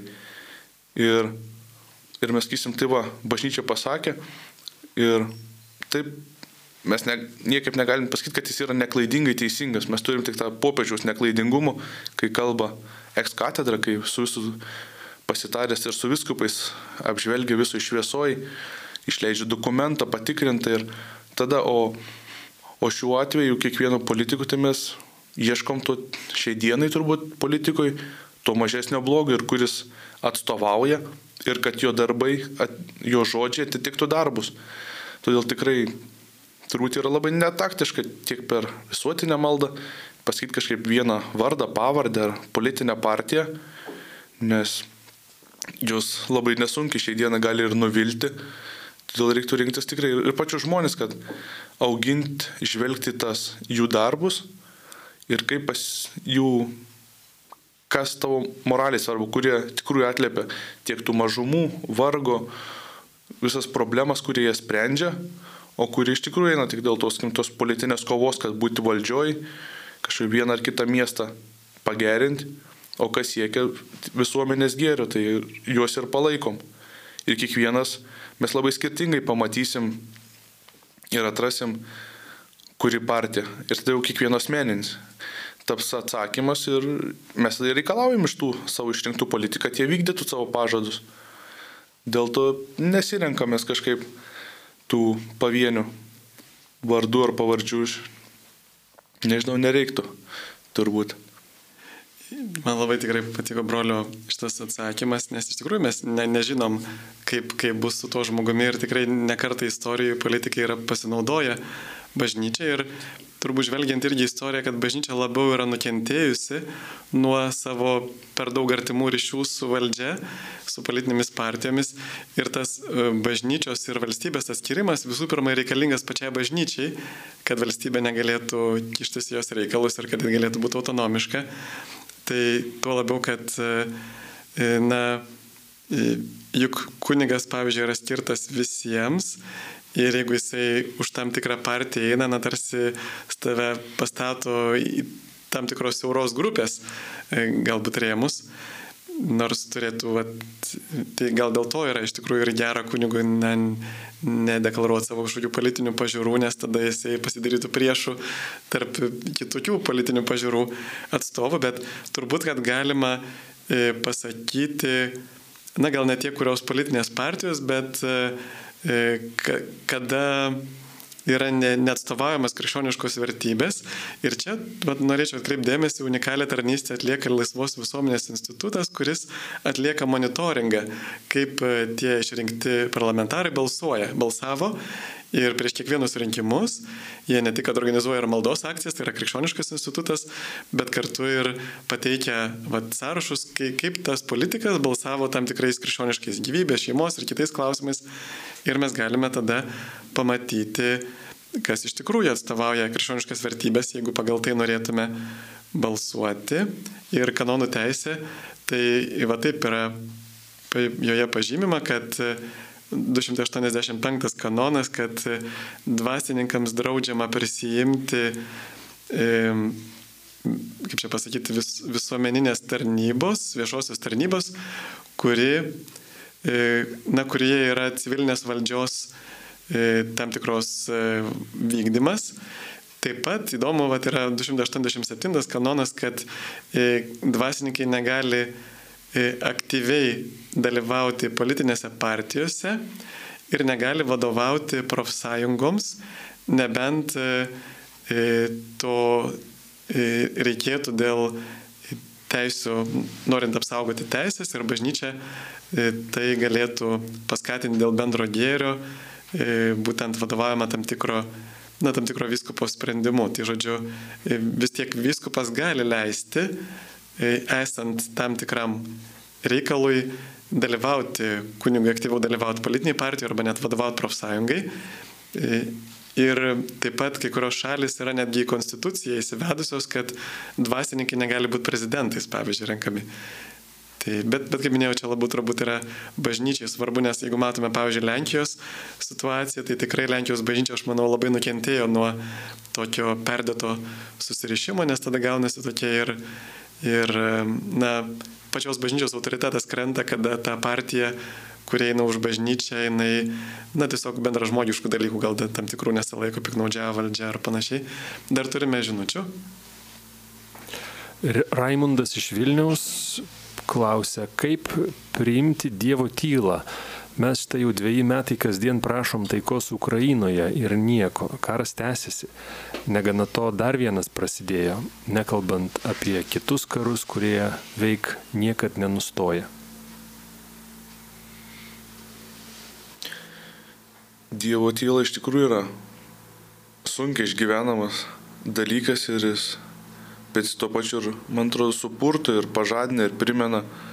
E, aišku, kalb, m, Ukrainos ar karo temoms labai sunku, kaip pasakyti,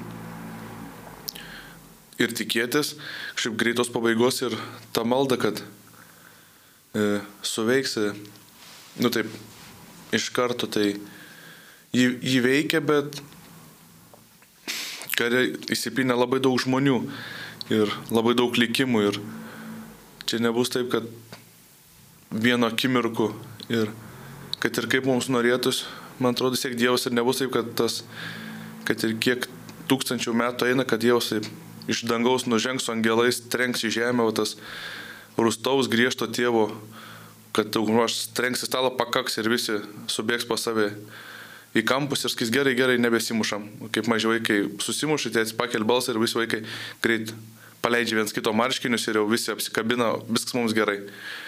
E, nes Dievas davęs laisvą valią ir žmonės, tokie patys žmonės kariauja vieni su kitais, vieni trokšta gėrio, kiti nori ozurpuoti kitą šalis.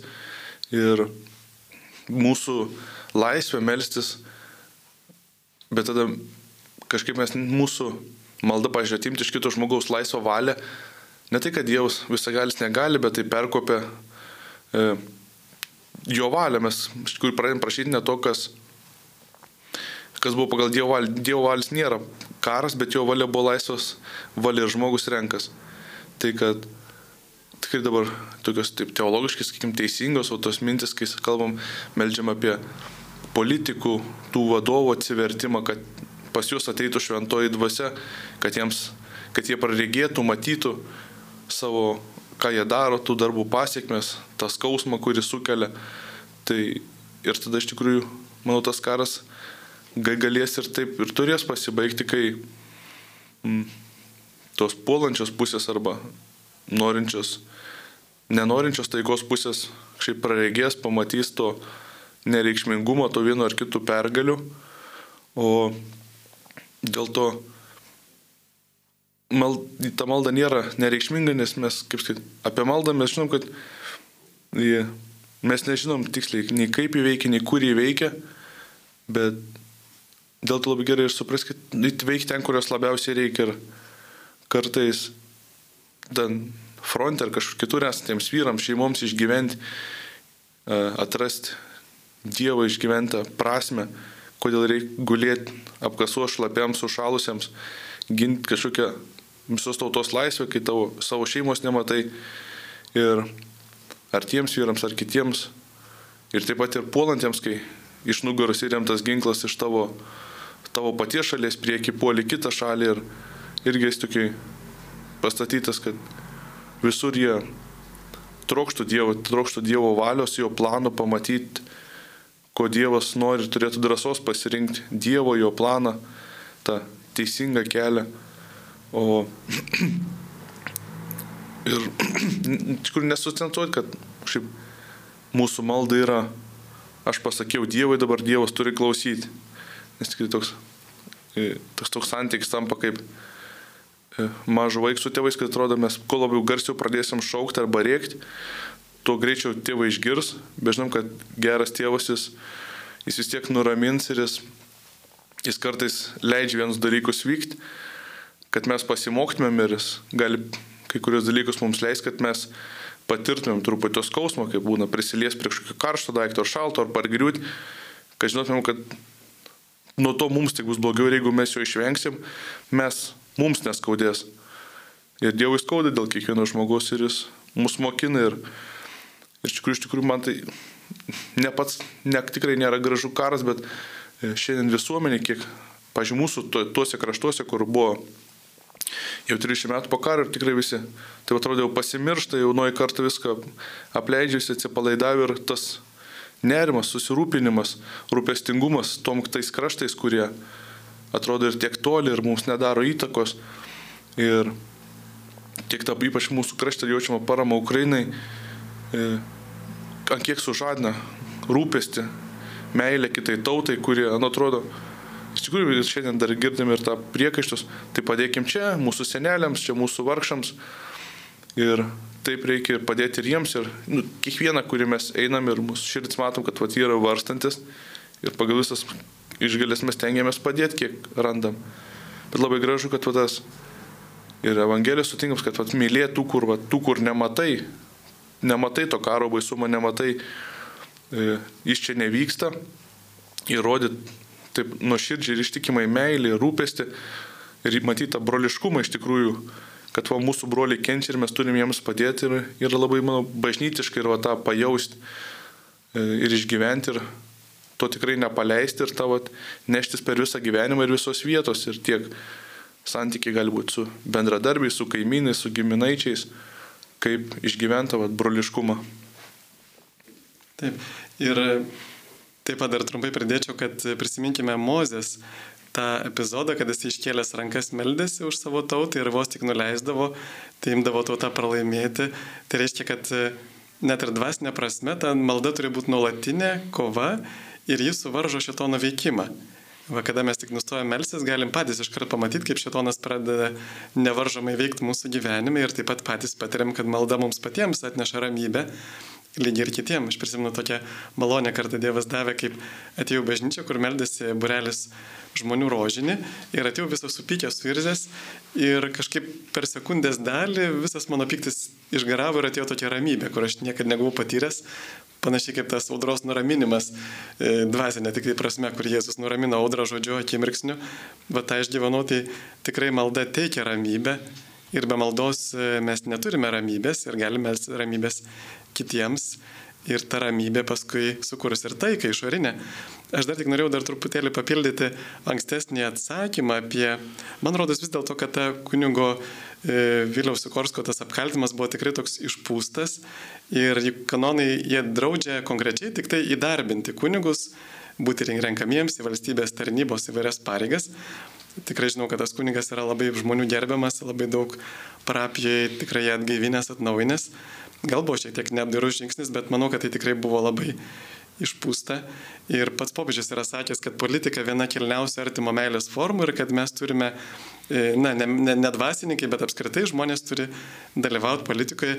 Taip pat mes ir į Marijos radiją nevengėme pakviesti politikų, bet ne todėl, kad reklamuotume jų politinės partijas, bet tiesiog, kad jie pasisako už krikščioniškas vertybės ir yra tam tikrų sričių specialistai. Tai mes nei žodžio nekalbam apie jų partijas, bet tikrai politikai dalyvauja mūsų laidose ir nemanau, nematau tame blogio, nes tikrai jie, kai kurie iš jų tikrai yra savo srities labai geri specialistai ir kartu, e, na, padeda nušviesti vat, iš krikščioniškos pozicijos tam tikras problemas. Tai šiandieną laidą jau turime baigti. Dėkojame, kad skambinote, rašėte. Su mumis buvo brolis pranciškonas Edvinas Jurgutis, laidą vedžio aš kuningas Sigitas Jurkštas. Viešpas mus te palaimina ir te saugo ir sudė. Sudėjau.